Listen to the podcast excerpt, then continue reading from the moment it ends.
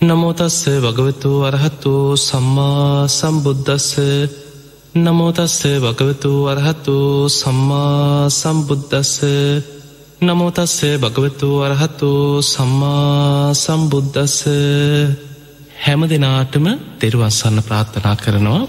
අදත් ඔබ හැම දෙනෙක්ම ඔබේ ජීවිතයට ඉතාම වැදගත් ඔබේ ජීවිතයට බුදුරජාණන් වහන්සේගේ ධර්මය එකතුවන උතුම් ධර්ම දේශනාවත් එක්කයි එකතු වෙලා ඉන්නේ. පංහතුනේ අද දවසි අපි බුදුරජාණන් වහන්සේගේ වැඩමවීමේ පූජනීයත්වයට පත්විච්ච මේ ලංකා බොහොමිය තුළ මේ ධර්නීතලය තුළ මේ උතුම් ලක් දෙරන තුළ පිහිටි සොලොස්මස්ථානයන් අතර ස්ථාන කීපයක් ගැන විමසල බලමු.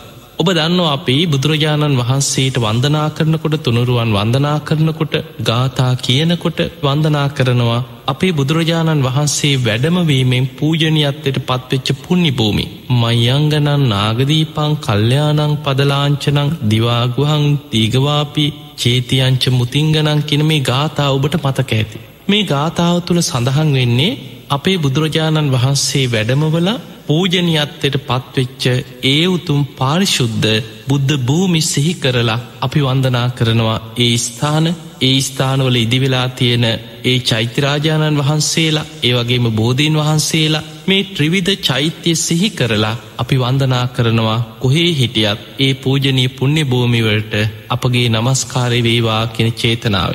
පිංහතුනී බුදුරජාණන් වහන්සේගේ වැඩමවීමෙන් බුදුරජාණන් වහන්සේගේ පරිහරණයෙන් උන්වහන්සේ වැඩ සිටීමෙන් යම් භූමියක් පූජනයත්වයට පත්වෙනවා.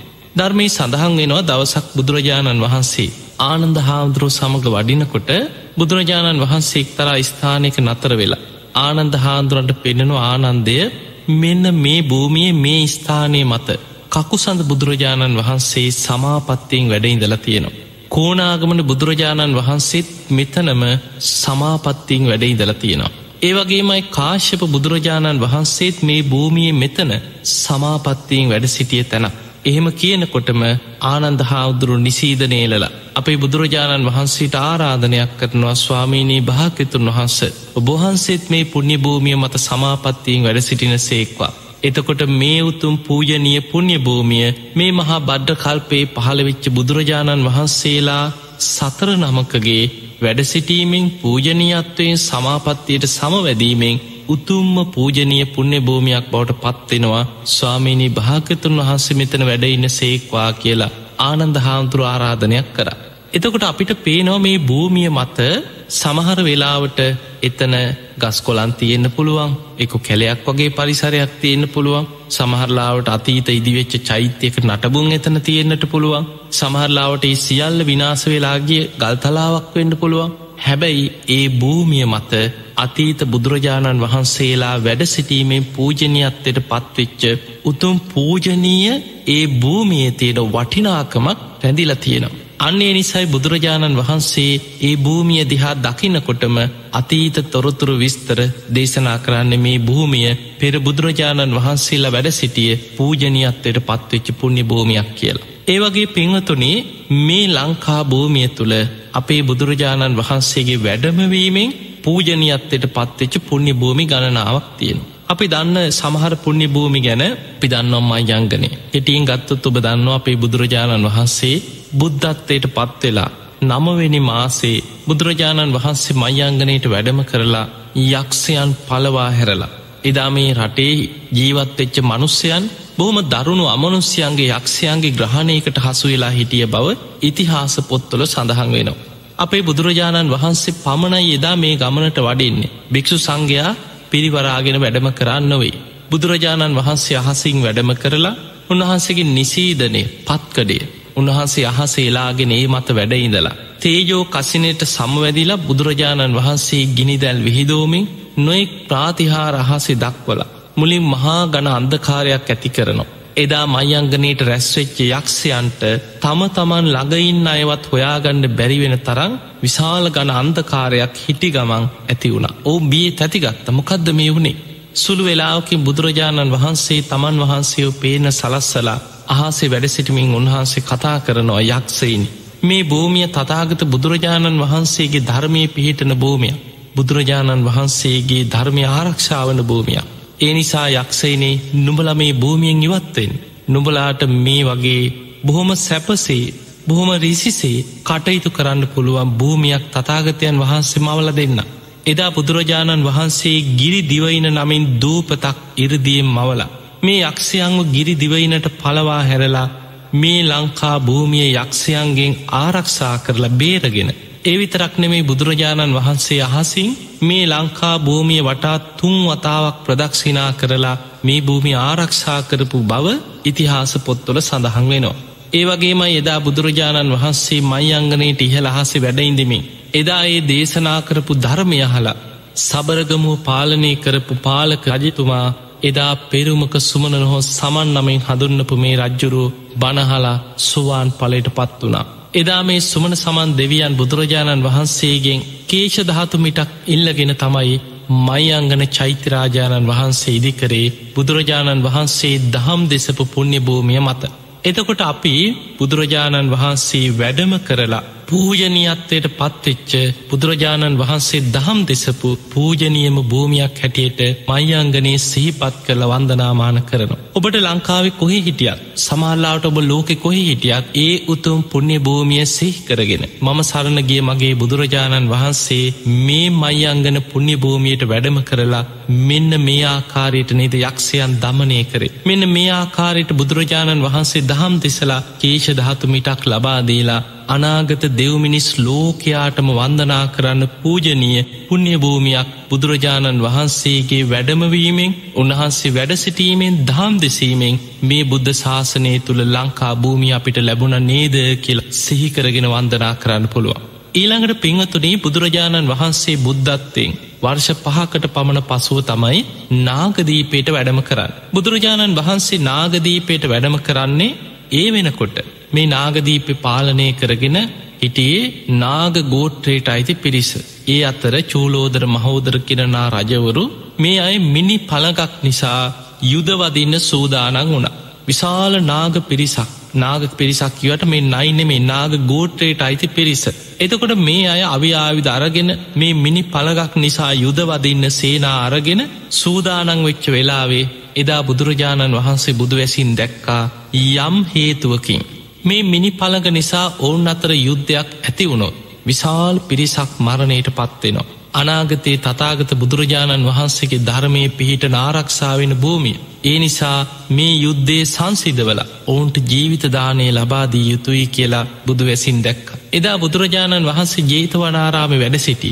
උන්වහන්සේ උදෑසනම අධිෂ්ඨානයක් ඇතිකරගෙන ගන්ධකුටියෙන් එලියට පැමිණිලා සිවුරු පාත්තර ඇතුව. අහස්සට පැනනැගල අහසිං වඩින්න සූදානං වෙද්දී. විශාල දෙවිවරු පිරිසක් ඉදිරිපත්වෙනවා ස්වාමීණී භාගතුන් වහස් අපිත්වෙනවා මේ ගමනට. හැබැයි දා බුදුරජාණන් වහන්සේ වදාළ දෙවියනේ නුබල මේ ගමනට අවශ්‍යනෑ මට එක දෙවි කෙනෙක් පමණක් ප්‍රමාණවත්. එදා බුදුරජාණන් වහන්සේගේ ගන්ධකුටි අසල පිහිටි කිරිපලු රුකට අධිග්‍රූහිත සමින්දිසුමන කියන දේවතාවට බුදුරජාණන් වහන්සේ කතා කරා සමින්දිසුමන ඔබ ඔය විමාන කරගෙන ඉන්න කිරි පලු රුක්ක උදුරාගෙන තතාගතයන් වහන්සේ සමඟ වඩින්න. බුදුරජාණන් වහන්සේ අහසට පැනනගෙනකොට සමින්දි සුමන දෙවියන් කිරි පලුරුක උදුරාගෙන හරියට බුදුරජාණන් වහන්සේගේ හිසට ඉහලින් මුතුකුඩයක් ඉහලගෙනෙනවා වගේ කිරිපල් රුක අරගෙන බුදුරජාණන් වහන්සේගේ හිසට ඉහලින් මුතුකුඩයක් වගේ දරාගෙන තමයි සමිදි සුමන දෙවියම් බුදුරජාණන් වහන්සේ සමගම අහසින් නාගදීපයට වැඩම කරේ. නාගදීපයට ඉහළ අහසේදිත් බුදුරජාණන් වහන්සේ මේ මහෝදර චූලෝදර ආදී මේ නා පිරිස යුද්ධෙට සූදානං වෙච්ච වෙලාවෙත් බුදුරජාණන් වහන්සේ අහසේ වැඩ ඉඳගෙන විශාල ගණ අන්දකාරයක් ඇති කරා. අවිආවිධ අරගෙන යුද්ධ කරන්න සූදානං වෙච්චායට එකින එකා නොපිනෙන තරං අන්දකාරයක් ඇති වුණ ඔවු බිය තැතිගත්තමකක්ද අපිට මේ වනේ සුළු මොහොතකින් බුදුරජාණන් වහන්සේ අහසේ වැඩ සිටිමින් උන්වහන්සේ පේන සැලැස්වා. බුදුරජාණන් වහන්සේ මේ දවේශයේ වෛරේ මේ මිනි පළගක් නිසා යුදවැදීමේ ආදීනව මතු කරමින් දහම් දෙසුව. ඒ වෙලා ඔවුන්ගේ හිත්වල තිබිච්ච මේ වෛර සිතුවිලි පහවෙලා හිතේ දවේශයේ සංසිතුුණ ස්වාමීනී භාක්‍යතුන් වහන්ස ඔබහන්ස මීට පෙරත් මේ ලංකා භූමියයට වැඩම කළ යක්ෂයන්ගෙන් අපිය බේරගත්තා. මේ වතාය ඔබහන්සේ වැඩම කරේ අපේ ජීවිත ආරක්ෂා කරන්න මයි. අනේ ස්වාමීනයේ භාක්‍යතුන් වහන්ස ඔබහන්සේම මේ පිණි පළඟ පිළිගන්න සේක්වා කියලා බුදුරජාණන් වහන්සේට ඒ පිළිගැන්වා. බුදුරජාණන් වහන්සේ මත වැඩ සිටිමින් දහම් දෙසලා මේ මිනි පළඟ තැම්පත් කළ චෛත්‍යයක් ඉදි කරන්න කියලා උපදෙස් දීලා සමිදිසුමන දෙවියන්ට බුදුරජාණන් වහන්සේ විධාන කරා මේ ප්‍රදේශයේ ආරක්ෂා කරගෙන වැඩඉන්න. කිලිපරවුරු රුක මේ භූමියයේ පිහිටවාගෙන වැඩඉන්න කියලා බුදුරජාණන් වහන්සේ එතනින් ආයමත් මේ අයට අවවාද අනුශාසනා කරලා. දම්බදිවට වැඩම කරන්න සූදානං වෙද්දී අන්න කැලනියේ රජකම් කරන මනියක් එක නාගරජ්ජුරු මහෝදරගේ සහයට සේනාවක් අරගෙන යුද්ධෙට නාගදීපෙට ගිහින් හිටිය. ඒ වෙලා බුදුරජාණන් වහන්සේට වැඳල ආරාධනයක් කරා ස්වාමීණී භාග්‍යතුන් වහන්ස ඔබහන්සේ මයි අංගනයට වැඩම කළ යක්ෂයන්ගෙන් අපිය පේරල දුන්න. ඒවගේමයි මේ වතාව මේ යුද්ධ නිසාපේ ජීවිත විනාස වෙන්න යද්දී ඔබහන්සේ නැවත වතාවක් නාගදීපේට වැඩම කරලත් අපිය බේරලා දුන්න ස්වාමිනි ඔබහන්සේ කැලනියට වඩින සේක්වා මම රජකං කරන්න කැලනී භික්‍ෂු සංඝයා සමගින්ම වඩින සේක්වා කියලා බුදුරජාණන් වහන්සිට කැලනියට වඩින ආරාධනා කරන්නේ මනියක්කික නාග රජ්ජුරු නාගදීපේදී. ඒ ආරාධනාව පිළි අරගෙන බුදුරජාණන් වහන්සේ දඹදිව් තලයට වඩිනවා. ඔන්න බලන්න බුදුරජාණන් වහන්සේ බුද්ධත්වයෙන් පස්වෙනි වර්ෂයේ නාගදීපේට වැඩම කරලා මිනි පළඟ නිසා ඇතිවෙන්න කිය යුද්ධය සංසිදවලා ඒ මිනි පළඟ බුදුරජාණන් වහන්සිට පිළිගැන්වට පස්සේ ඒ මත වැඩඉඳලා දහම් දෙසලා බුදු කෙනෙක් පරිහරණය කරපු වැඩ සිටිය මේ මිනි පළඟ පාරිභෝගික වස්තුවක් හැටියට පාරිභෝගික දහතුන් වහන්සේ නමක් හැටියට පරිහරණයෙන් පූජනයත්වයට පත් කරලා එය තැම්පත් කළ චෛත්‍යයක් ඉදිකරන්න උපදෙස්දීලා බුදුරජාණන් වහන්සේ ආයමත් දඹදිවට වැඩම කරා. ඔන්න මේ ලංකා භූමිය තුළ මේ වැඩඉන්න මනුස්්‍යයන්ට ඒවගේම දෙව්මිනිස් ලෝකයාටම වන්දනා කළ පින්ඩැස් කරගන්න තවත් පූජනීය පුුණ්‍ය භූමයක් අපේ බුදුරජාණන් වහන්සේගේ වැඩමවීමෙන් වැඩසිටීමෙන් සමාපත්තියෙන් වැඩසිටීම තුළ පූජනයත්වයට පත් වනා ඒ තමයි නාගදීප පුුණ්‍ය භූමි. ඒ වගේ මයි අපේ බුදුරජාණන් වහන්සේ බුද්ධත්වයෙන් අටවෙනි අවුරුද්ධ තමයි. වෙසක් මාසේ තුළ පන්සීයක් මහරහතන් වහන්සේලා පිරිවරාගෙන කැලනියට වැඩම කරන්න. තැන් බලන්න මයිංගනයට වැඩම කරන්න බුදුරජාණන් වහන්සේ තනියම භික්ෂු සංඝයා පිරිවරාගෙන නෙමේ. නාගදීපෙට වැඩම කරන්නෙත් භික්ෂු සංඝයා පිරිවරාගෙන නොවේ. නමුත් කැලනියට වඩින්නේ මනියක් එක නාග රජ්ජුරුවන්ගේ ආරාධනයක් මත. ඒ නිසා බුදුරජාණන් වහන්සේ කැලනියට වැඩම කරන්නේ පන්සීයක් මහරහතන් වහන්සේලා පිරිවරාගෙනයි. අපේ බුදුරජාණන් වහන්සේ කැලනියට වැඩම කරපු ගමනේ බුද්ධත්වයෙන් අටවෙනි අවුරුද්දේ වෙසක් මාසේ තුළ කැලනියට වැඩම කරද්දි මනයක් එක නාග රජ්ජුරු ඇතුළු පිරිස කල්තියා බුදුරජාණන් වහන්සේ වඩින බව දැනගෙන සිටිය නිසා මුළුන් නගරයම සරසලා කොඩි සේසත් දජ පතාක නංවල බොහම ලස්සනට බුද්ධ ප්‍රමුඛ සංඝයා පිළිගන්න ගෞරවාන්විත උත්සව සංවිධානය කරලා තිබුණා. ඒ වගේමයි ඒ ගමනෙදී මේ ලංකා භූමියයේ ඒ ඒ ප්‍රදේශ පාලනය කරපු පාලක රජවරු බුදුරජාණන් වහන්සේව තම තමන්ගේ ප්‍රදේශවලටත් වඩම්මලා පිළිගැනීම පිණිස පූජනීය පිළිගැනීමේ උත්සව සංවිධානය කර. බුදුරජාණන් වහන්සේ පන්සීයක් මහරහතන් වහන්සේලා සමඟ අහසිං වැඩම කරලා කැලනි ගංගාව අසලට බුදුරජාණන් වහන්සේ වැඩම කරලා ගඟෙන් පැම් පහසු වුණා. බුද්ධ ප්‍රමුඛ සංඝයා සමක බුදුරජාණන් වහන්සේ පැම් පහසු වෙලා කැලනි ගඟෙන් ගොඩට වඩිනකොට ගඟට අධිග්‍රෝහිත ගංගාවෙන් මතුවෙන නාගලෝකයේ නාගයන් මේ කැලනි ගංගාව ඔස්සේ මතුවන තොටුපොලක් තිබිච්ච බව ඉතිහාසෙක් පොත්පත්වල සඳහන් වෙනවා. මේ නාගයෝ දිය පහරවල් හරහත් තමයි ගමන් කරන්න. මේ ගංගාවෙන් මතුවෙච්ච මේ නාගයෝ ඉල්ලීමක් කරා ස්වාමීනී භාග්‍යතුන් වහන්ස අපටත් පින් කරගන්න අපටත් වන්දනා කරගන්න පූජනය සලකුණක් මේ ගම් පතුලෙ පිහිටවන්. පිංහතුන ඉතිහාසෙ සඳහන් වෙනවා කැලනි ගගේ රලෙම් මුවාවන තැන නාගයන්ගේ ආරාධනය මත නාගයන්ට වැඳුම් පිදුම් කරන්න බුදුරජාණන් වහන්සේ ගංගාවේ ගල් තලාව මත සිරිපත්තුළු සටහනක් පිහිටෙව්වා කියලා. නාගයන්ට වැඳුම් පිදුම් කරලා පින් රැස් කර ගැනීම පිණිස.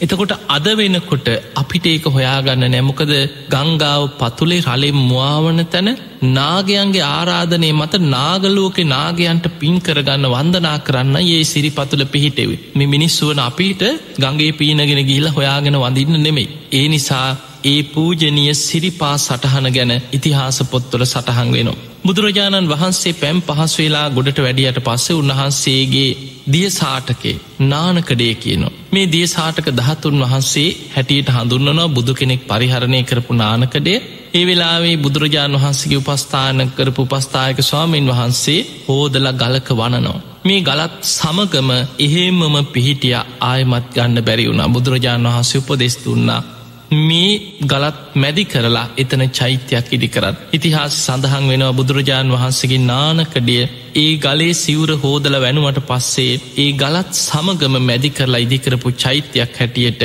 එදා සිවුරු දාගැබ නමින් හඳුන්නපු චෛත්‍යයක් මේ භූමිය තිබුණ කියලා. නමුත් ඔබ දන්නවා ඉතිහාසේ විදේශ ආක්‍රමණයන් සමඟ එදා විශාල පිරිසක් එක්ක පැමිණිච්ච කාලිංග මාග මේ කැලනිය පූජනය පුුණ්‍ය භූමිය පිහිටි සිවුරු දාගැබ ඇතුළ බොහෝ ගොඩ නැගිලි විනාසයට පත් කර. එදා බුදුරජාණන් වහන්සේ එතනින් ගංගාවෙන් පැම් පහස් වෙලා පන්සීයක් මහරහතන් වහන්සේලා සමඟ වැඩම කරේ අද කැලනිය චෛත්‍යරාජාණන් වහන්සේ පිහිටි පුුණ්‍ය භූමිය මත. එදා මනියක් එක නාග රජ්ජරුව මේ භූමියේ බුද්ධ ප්‍රමක සංඝයා වෙනුවෙන් ආසන පනවල බුදුරජාණන් වහන්සේට වැඩඉන්න තමන්ගේ මිනි පළඟ මැනික්කොලින් කරපු පුටුවක් ඒ භූමියයේ සකස් කරලා පන්සීයක් මහරහතන් වහන්සේලාට ආසන පනවල තිබුණ. බුද්ධ ප්‍රමුඛ සංඝයායේ මත වැඩහිටියා උන්වහන්සේලාට දම් පිළිගන්වල රජ්ජුරූ ඇතුළු මේ පිරිස බනහලා බොහෝම සද්ධාවෙන් බුද්ධ ප්‍රමුඛ සංඝයාට ඒ ඇපවපස්ථාන වන්දනාමාන කටයුතු සිදු කර. බුදුරජාණන් වහන්සේ තන වැඩඉඳල පූජනීයත්වයට පත්වෙච්ච ඒ භූමියේ උන්වහන්සේ වැඩ සිටිය මිනි පළග මැදි කරලා තමයි කැලනී චෛත්‍යරාජාණන් වහන්සේ ඉදිකරේ.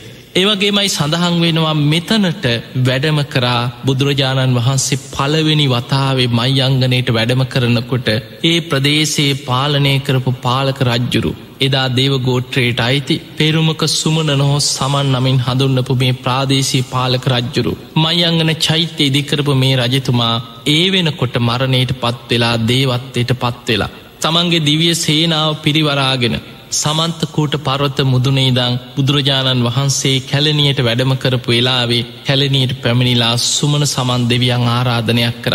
ස්වාමිනී භාකිතුන් වහන්ස මේ දෙවියන් වන අපට වැඳුම් පිදුම් කරන්න. අපටත් පූජනය සලකුණක් පූජනීය වස්තුවක් ලබාදෙන්. මොකද ඒ වෙනකොට සුමන සමන් දෙවියන් සිරීපාද කඳුයාය කඳුමුදුන විමාන කරගත්ත දෙවිදේවතාවරු පිරිසක් එක්ක ඒ ප්‍රදේශයේ තමයි වැඩහිටිය. එදා මේ දෙවියන්ගේ ආරාධනය මත බුදුරජාණන් වහන්සේ කැලනියෙන් වඩින්නේ පන්සීයක් මහරහත්තන් වහන්සේලා සමඟ අහසීම වැඩම කරන්නේ සමන්තකූට පරෝත මුදුනට. බුදුරජාණන් වහන්සේ තනට වැඩම කරලා මේ පරෝතයේ මුදුනේ ගල් තලාවේ. බුද්ධ අධිෂ්ඨානයෙන් හරියට මැටි පිඩක් මෙලෙක් කරනවා වගේ මේ ගල් තලාව මුදුන බුද්ධ අධිෂ්ඨානයෙන් බුදුරජාණන් වහන්සේ මැටි පිඩක්සේ මෙලෙක් කරලා. උන්වහන්සේගේ සිරිපතුළු සටහන පිහිට ඕනවා හරියට මැටි පිඩක පා සටහනක් පිහිට ඕනවා වගේ.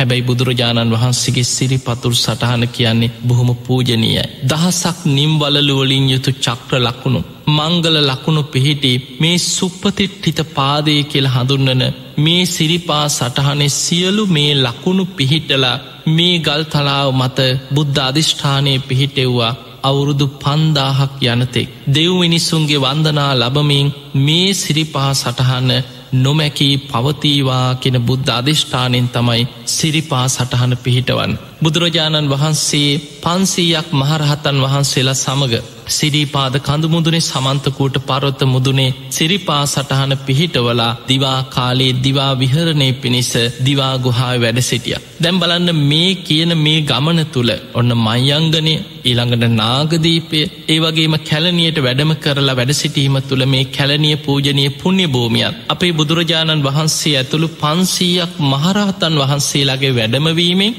දහම් දෙසීමෙන් පූජනයත්වට පත්වෙච්ච උතුම්ම පූජනය බුද්ධ භූමියක් බවට පත් වුණ. තිං ඔබ ලෝකෙ කොහි හිටියක් ඔබට මේ කැලනිය පුුණ්‍ය භූමිය සිහිපත් කරලා ඒ පූජනීය සිදුවීන් සිහිකරගෙන වන්දනා කළ පින් රැස් කරගන්න පුළුවන්. ඒ වගේමයි අපි දන්නවා මේ ලංකාවාසී සැදහැවතුන්. ඒ වගේමයි විදේශ රටවල හිටිය සද්ධාව තියෙන පින්වතුන්. මේ ලංකා භූමීට පැමිණිලා සිරිපා කරුණා කරන්නේ බොහෝම සද්ධාවෙන්. මේ සිරිපා කරුණා කරන කාලේ එනකොට බුදුගුණ කිය කිය දහම් ගුණ කිය කිය සඟගුණ කියමින් තුනුරුවන් වන්දනා කරමින් බොහෝම සද්ධාවෙන් මේ සිරීපාද කඳුමුදුනට නගින්නේ බොහොම අමාරුයි. හැබැයි ඒ කොච්චර අමාරුවක් තිබුණත් හිතේ සද්ධාවත් එක්ක අමාරුව වෙහෙස මේ තරම් කන්දක් නේද කොච්චර දුරක් යන්න තියෙනවාද ඒ කිසිම හැඟීමක් නැතුව බොහොම සද්ධාවෙන් එදා අතීතය අපේ පැරැන්නු අවුරුද්ධකට වතාවක් සිරීපාද වන්දනා කරන්න පුරුදු වෙලා හිටිය.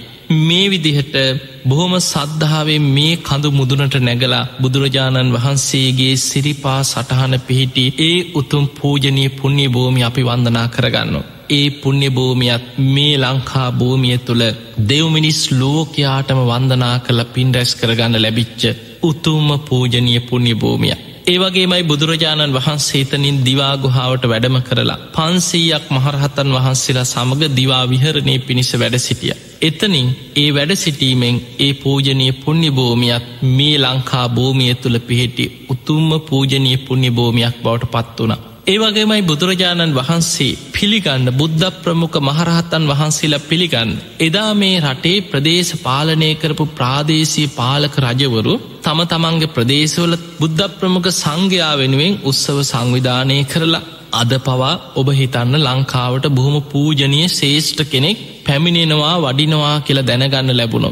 ඒ වඩින පූජනීය කෙනාව ඒ ඒ නගරවලට වඩම්බල පිළිගැනීම පිණිස ඒ පූජනය කටයුතු සිදු කිරීම පිණිස ඒ ඒ ප්‍රදේශවල උත්සව සංවිධානය කෙරෙනු. අන්නේ වගේ එදා රජවරු බුද්ධ ප්‍රමුඛ සංඝයා වෙනුවෙන් පිළිගන්න ඒ ඒ ප්‍රදේශ සංවිධානය කරලා තිබුණ. බුදුරජාණන් වහන්සේ එතනින් වැඩම කරා දීගවාපිය පිහිටි පූජනය පුුණ්‍ය භූමි. වැදම කරලා බුදුරජාණන් වහන්සේ ප්‍රදේශේන ජනතාව වෙනුවෙන් පුුණ්‍ය භූමී වැඩඉඳල දහම් දෙසලා ඒ අයට වැනුම් පිදුම් කරන්න නිය දහතුන් වහන්සේලා ලබාදීපු බවත් ඒ වගේම කේෂ දහතුන් වහන්සේලාත් ලබාදීපු බවත් ඒ දහතු තැම්පත් කරලා පූජනීය චෛත්‍යරාජාණන් වහන්සේ නමක් ඉදිවිච්ච බවත් ඉතිහාස සඳහන් වෙලා තියෙනවා. ඒ වගේමයි ඔබ දන්නවා කතරගම පුුණ්‍ය භූමිය තිස්ස මහාරාම පුුණ්‍ය භූමි අපේ බුදුරජාණන් වහන්සේගේ වැඩමවීමෙන් පූජනයත්තයට පත්වෙච්ච පුුණ්‍ය භූමි.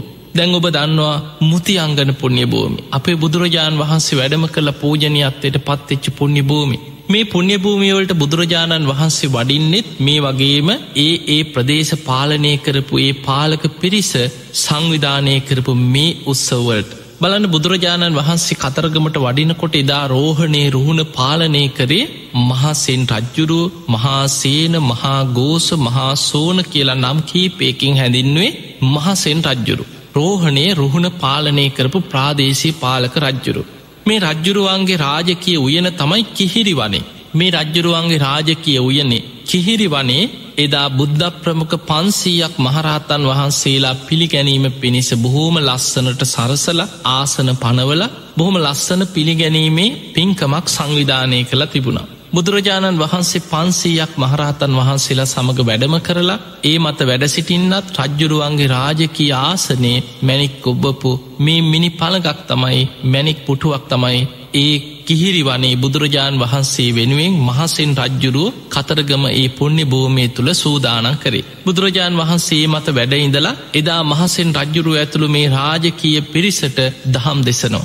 ඒ බණහලා එදා මහසෙන් රජ්ජුරුව ධර්මාවබෝධයක් ලබපු බව ඉතිහාසි සඳහන් වෙනවා. පිංහතුන ඉතිහාස එදා අතීතේ කතරගම දෙවියන් හැටියට හැඳින්නුවේ අද අපි කතරගම දෙවියන් හැටියට හඳුන්නන මේ කන්දකුමාර ස්කන්දකුමාර කියලා හඳුන්වන දෙවියන්ට වඩා මහසෙන් දෙවියන් හැටියට හඳුන්නපු බුදුරජාණන් වහන්සේගෙන් බණහල සෝවාන් පලට පත්වනා කියල ඉතිහාස තොරතුරු විස්තර ඇතුළත් ඒ ප්‍රදේශයේ පාලනය කරපු ප්‍රාදේශී පාලක රජ්ජුරුව වෙච්ච මේ මහසෙන් රජ්ජුරුවන්ට තමයි එදා මිනිස්සු මහසෙන් දෙවියන් හැටියට වැඳුම් පිදුම් කරේ. අපේ බුදුරජාණන් වහන්සේගෙන් බණහල මේ මහසෙන් රජ්ජුරු ඇතුළු බොහෝ පිරිසක් ධර්මාබෝධය ලබපු බව ඉතිහාසි සඳහන් වෙලා තියෙනවා. බුදුරජාණන් වහන්සේගෙන් බණහල ධර්මාබෝධය ලබපු මහසෙන් රජ්ජුරු ඉල්ලීමක් කරනවා ස්වාමීණී භාක්‍යතුන් වහන්ස. අපටත් වැනුම් පිදුම් කරන්න මේ ප්‍රදේශඉන්න මේ ප්‍රදේශි මිනිස්සුන්ට වැනුම් පිදුම් කරන්න පූජනය දෙයක් ලබාදෙන්. බුදුරජාණන් වහන්සේ හිස පිරි මැදල කේෂ දහතු මිටක් ලබා දෙනවා. ඒ කේෂ දහතුන් වහන්සේලා කරඩුවක තැම්පත් කරලා අපේ බුදුරජාණන් වහන්සේ වැඩසිටිමින් දහම් දෙසපු කිහිරි වනේ ඒ වැඩසිටි ආසනය මතම කේෂ දහතුන් වහන්සේලා සහිත ධාතු කරඩුව ආසනය මත තැම්පත් කරලා ඒ වැඩසිටි ආසනයක් කේෂ දහතු කරඩුවත් මැදි කරලා කිහිරි වනේ ඉදිකරපු චෛත්‍යරාජාණන් වහන්සේ තමයි කිරිවිහෙර චෛත්‍ය හැටියට හඳුන්නන්නේ. එදා මහසෙන් රජ්ජුරුව තමයි බුදුරජාණන් වහන්සේ වැඩම කරලා වැඩසිටිමින් දහම් දෙසපු තැන මේ කිහිරි වනේ දහම් දෙසපු තැන උන්වහන්සේ වැඩසිටි ආසනයක් උන්වහන්සේගේ කේෂ දහතුන් වහන්සේලාත් තැම්පත් කරලා කිරිවිහෙර චෛත්‍යරාජාණන් වහන්සේ ඉදි කරන්න. ඒ වගේමයි මේ රජ්ජුරුවෝ මරණින් පසු මේ භූමිය ආරක්ෂා කරගෙන වැඩසිටිය එදායේ ප්‍රදේශයට මධිකරූහිත දේවතාව හැටියට ඒ ප්‍රදේශෙන් මිනිස්සු විශ්වාසයෙන් වැඳුම් පිදුම් කරපු බව ඉතිහාසි සඳහන් වෙලා තියෙනවා. බුදුරජාණන් වහන්සේ කතරගම කිරිවිහෙර පිහිටි පුුණ්‍ය භූමිය පූජනයත්තයට පත්වනේ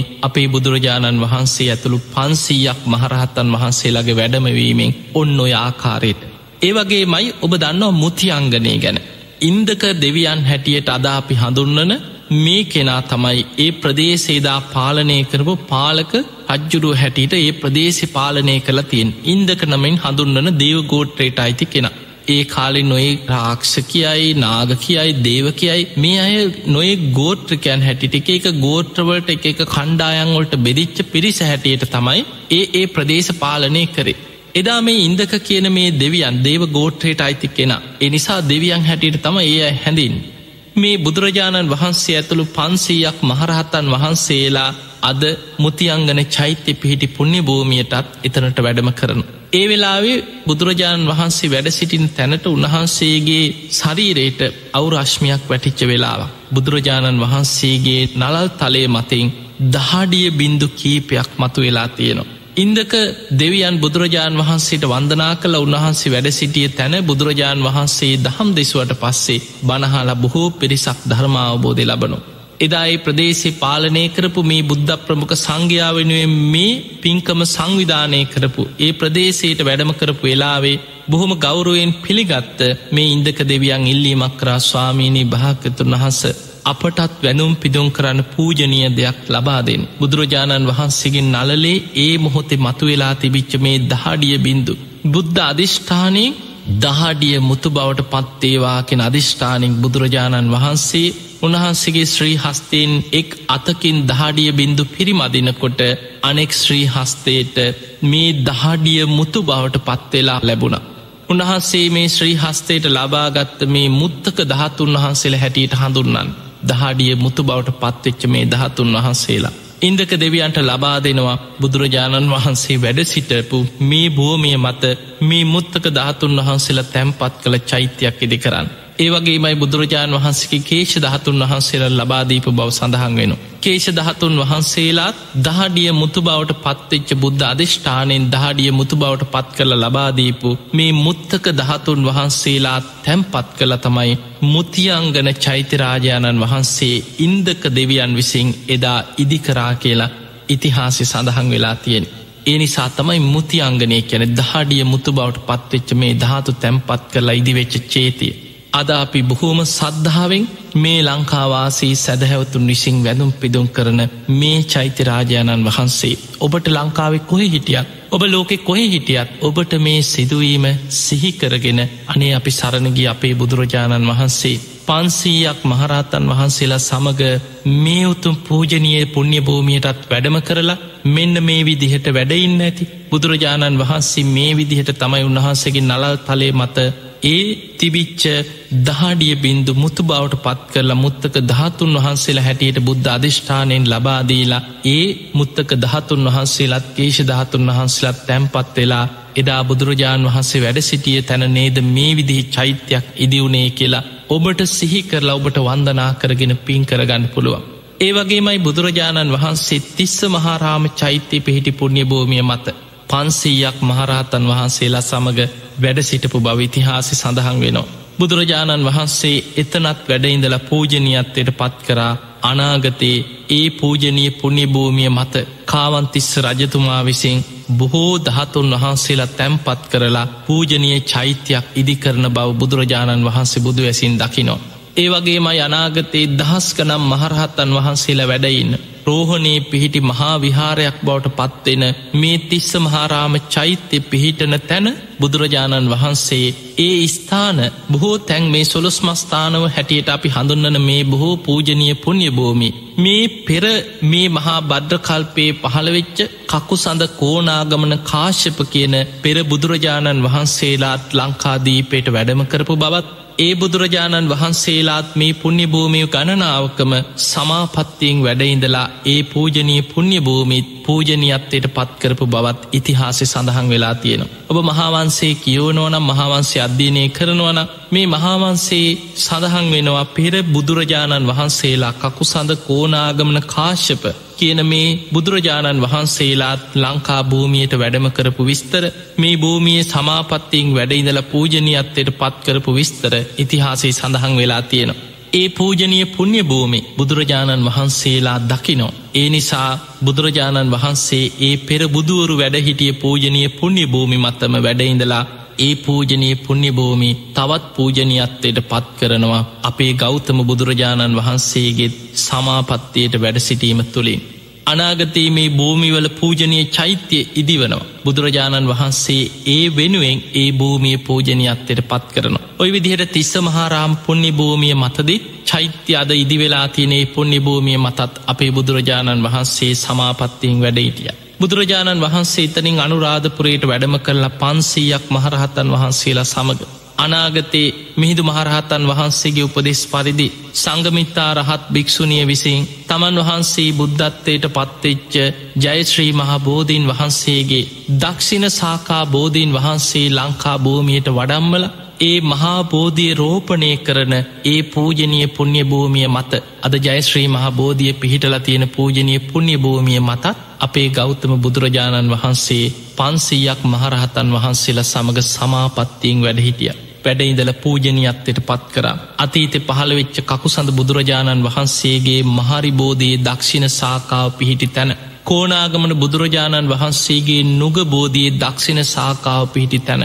ඒ වගේ මයි කාශ්‍යප බුදුරජාණන් වහන්සේගේ දිඹුල් බෝධීන් වහන්සේගේ දක්ෂිණ සාකාව පිහිටි පූජනය පුුණ්‍ය භූමිය මත අපි සරණගි අපේ ගෞතම බුදුරජාණන් වහන්සේගේ ජයශ්‍රී මහා බෝධීන් වහන්සේගේ දක්ෂින සාකා වනාගතයේ පිහිටලා පූජනයත්වයට පත්වෙනවා. ඒ පිණිස ඒ භූමියත් අපේ බුදුරජාණන් වහන්සේ සමාපත්තියෙන් වැඩඉඳල පූජනයත්වයට පත් කර. ඒ වගේමයි අනාගතයේ දුටු ගැමණු රජ්ජුරු ද්‍රෝණයක් දහතුන් වහන්සේලා තැම්පත් කළ නාගලෝකයේ ඒ වෙනකොට අනාගතයේ පවතින බුදුරජාණන් වහන්සේ පිරිනිවන් පෑවට පස්සේ ඒ ලැබෙන සර්වඥ දහතුන් වහන්සේලාගෙන් හරියටම අටෙන් එකක් එක් ද්‍රෝණයක් ප්‍රාමගාම නගරේ කෝලි රජදරුවන්ට ලැබෙන මේ දහතු ද්‍රෝණයම අනාගතයේ මේ ලංකා භූමියයට වඩම්මල මහා සෑයක් ඉදි කරලා දුටු ගැමුණු නම් රජ කෙනෙක් දහතුන් වහන්සේලා ද්‍රෝණයක් තැම්පත් කරලා මහා සෑයක් ඉදි කරනවා. ඒ මහා ඡෑය තුළ අවුරුදු පන්දාහක් යනතෙක් ධාතු පරනිර්වාණය වන තෙක්ම ඒ දහතුන් වහන්සේලා සහිතයේ මහා සෑය දෙව්මිනිසුන්ගේ වන්දනා ලබමින් මේ ලංකා භූමිය තුළ පවතිනො. ඒ මහා සෑ ඉදිවෙන පූජනය පුුණ්‍ය භූමිය ඉදිවන තැනටත් බුදුරජාණන් වහන්සේ පන්සීයක් මහරහත්තන් වහන්සේලා සමඟ වැඩම කරලා රුවන්වැලි මහා සෑ අද පිහිටි ඒ භූමිය මතත් අපේ බුදුරජාණන් වහන්සේ සමාපත්තියෙන් වැඩඉඳල පූජනී අත්වයට පත් කරනවා අනාගතයේ මේ භූමියයේ මේ විදිහ මහා සෑයක් ඉදිවෙනවා. ඒ වෙනුවෙන්ගේ භූමිය පූජනී අත්වයට පත් කර. ඒ වගේමයි අපේ බුදුරජාණන් වහන්සේ ඔබ දන්නවා දුටු ගැමු රජ්ජුරුවෝ යුද්ධය අවසන් වනාට පස්සේ සර්වඥ ධාතුන් වහන්සේලා තැම්පත් ජයකොන්තේ නිදං කරලා තමයි මිරිස වැටි චෛත්‍යරාජාණන් වහන්සේ ඉදිකරේ. දුටුගැම් රජ්ජුරුවන්ගේ රජවීමෙන් පසුව ඒ රටෙක්සේ සත් කිරීමෙන් පසුව ඉදිකරපු ප්‍රථම චෛත්‍ය කර්මාන්තේ. මෙන්න මේ මිරිස වැටි චෛත්‍ය ඉදිවන පුුණ්‍ය භූමිය මතටත් අපේ බුදුරජාණන් වහන්සේ වැඩම කර අනාගතයේ මේ වගේ පූජනය චෛත්‍යයක් ඉදිවෙනවා. ඒ වෙනුවෙන් ඒ භූමියත් සමාපත්තියෙන් වැඩ ඉඳලා එතනත් පූජනයත්තයට පත් කර. ඒ වගේමයි තූපාරාම චෛත්‍ය ඉදිවන තැන බුදුරජාණන් වහන්සේ එතනටත් වැඩම කර. මේ තූපාරාම චෛත්‍ය ඉදිවන තැන කකුසඳ බුදුරජාණන් වහන්සේ පෙර වැඩම කරලා දහම් දෙසලා උන්වහන්සේගේ ඩබරාධාතුන් වහන්සේ දියගෙනගිය භාජනය මෙතන තැම්පත් වෙලා අතීතේ මිනිස්සු වැඳුම් පිදුම් කරපු චෛත්‍යයක් ඉදිවෙච්ච බවිතිහාසි සඳහන් වෙනවා. ඒ වගේ මයි කෝනාගමන බුදුරජාණන් වහන්සේ තූපාරාම චෛත්‍ය අද තියෙන තැන වැඩයි සිටිමින් දහම් දෙසපු බවත් උන්වහන්සේගේ ඉන්න පැළඳි පටිධාතුන් වහන්සේ තැම්පත් වෙලා එදා චෛත්‍යයක් ඉදිවෙච්ච බවත් ඉතිහාසි සඳහන් වෙනවා.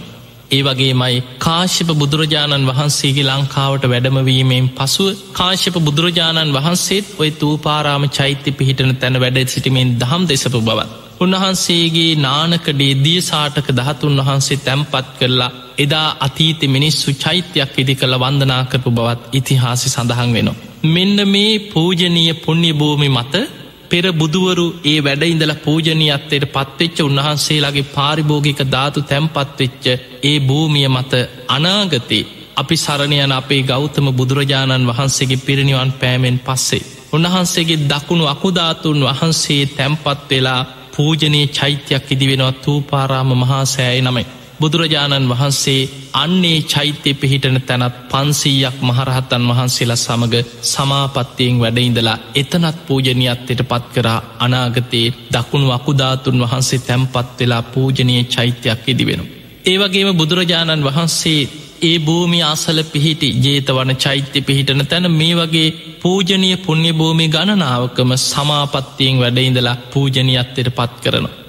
මේ විදිහට බුදුරජාණන් වහන්සේ මේ පුුණ්‍ය භූමි පූජනයත්තයට පත් කරලා ආපහු දඹදිව් තලයට වඩින්නේ. තූපාරාම චෛත්‍යයට ඉදිරියෙන් තියෙනවා පාද ලාංචන චේතිය කෙල අද පුරා විද්‍යාවෙන් හඳුනාගෙන එතන යම් ආරක්ෂා කල පිහිටි තැන අන්න එතන හඳුන්නල තියෙන දා චෛත්‍යයක් ඉදි වෙලා තියෙනවා එහි නටබුන් එතන තියෙනවා එතනට කියන පාද ලාංචන චේතිය කියලා.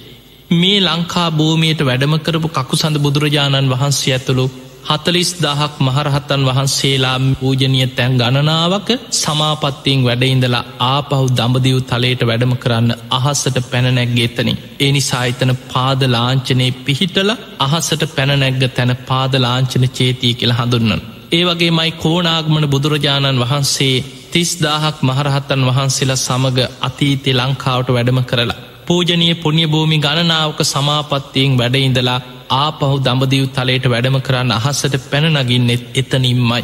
ඒවගේම කාශ්‍යප බුදුරජාණන් වහන්සේත් විසිදාහක් මහරහත්තන් වහන්සේලා සමඟ මේ ලංකා භූමියයට වැඩම කරලා පූජනය පුුණ්‍ය භූමි ගණනාවකම සමාපත්තියෙන් වැඩඉඳලා ආපහු දඹදිව් තලයට වැඩම කරද්දී අහස්සට පැනනැගල අහසිං වැඩම කරපු තැන ඒ සිරිපා සටහන පිහිටල අහසට පැනනැග්ග තැන පාදලාංචන චේතිය හැටියට හඳුන්නනවා. පිංහතුනේ අන්න එතනින්මයි අපි සරණගි අපේ ගෞතම බුදුරජාණන් වහන්සේත් මේ ලංකා භූමියයට වැඩම කරපු මේ ගමනේ පූජනීය පුුණ්‍යභූමි ගණනාවක සමාපත්තියෙන් වැඩඉඳලා අනාගතයේ පූජනීය චෛත්‍යයේදී වන තැන් බුදුරජාණන් වහන්සේගේ වැඩමවීමෙන් වැඩසිටීමෙන් සමාපත්තියට සමවැදීමෙන් පූජනයත්තයට පත් කරලා ආපහු පන්සීයක් මහරහත්තන් වහන්සේලා සමගින් දඹදිව තලයට වඩිද්දී පෙර බුදුවරු සිරිපා සටහන තබල ඒ භූමිය මහසට පැනනැග්ග පාදලාංචන චේතිය පිහිටි තැනින්මයි අපේ ගෞතම බුදුරජාණන් වහන්සේත් අහසට පැනනැගල අහසිම්ම දඹදිව තලයට වඩින්. පිංහතුනි මෙන්න මේ විදිහට අපේ බුදුරජාණන් වහන්සේගේ වැඩමවීමෙන් වැඩසිටීමෙන් පූජනයත්තයට පත්වෙච්ච පුුණ්‍ය භූමි ගණනාවක් මේ ලංකා ධර්ණී තලේ තුළ පිහිටල තියෙනවා.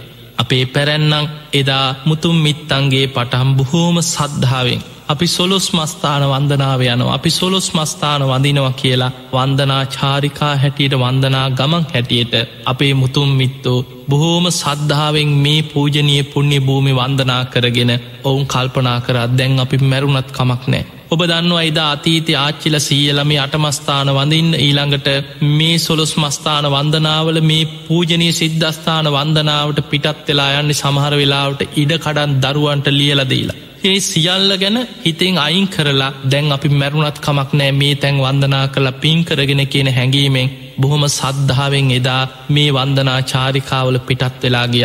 ගිහිල්ල මේ තැන් සිහිපත් කරලා අපේ බුදුරජාණන් වහන්සේ වැඩඉඳල පූජනයත්තෙට පත් කරපු මේ පුුණ්‍ය භූමි වන්දනා කළ පින් රැස් කරගත්තා. ඒ නිසා ඔබ අද ලෝකෙ කොයි හිටියත් ඔබටත් මේ උතුම් පූජනය පුුණ්‍ය භූමි වන්දනා කරගෙන අප්‍රමාණ පින් රැස් කරගන්න පුළුවන්. ඒ පිණිස් ඔබ හැම දෙනාටම සිතුවිලි පහළවේවා වාසනාවම ලැබේවා ලැබේවා කියල අපි ආශිර්වාද කරනවා.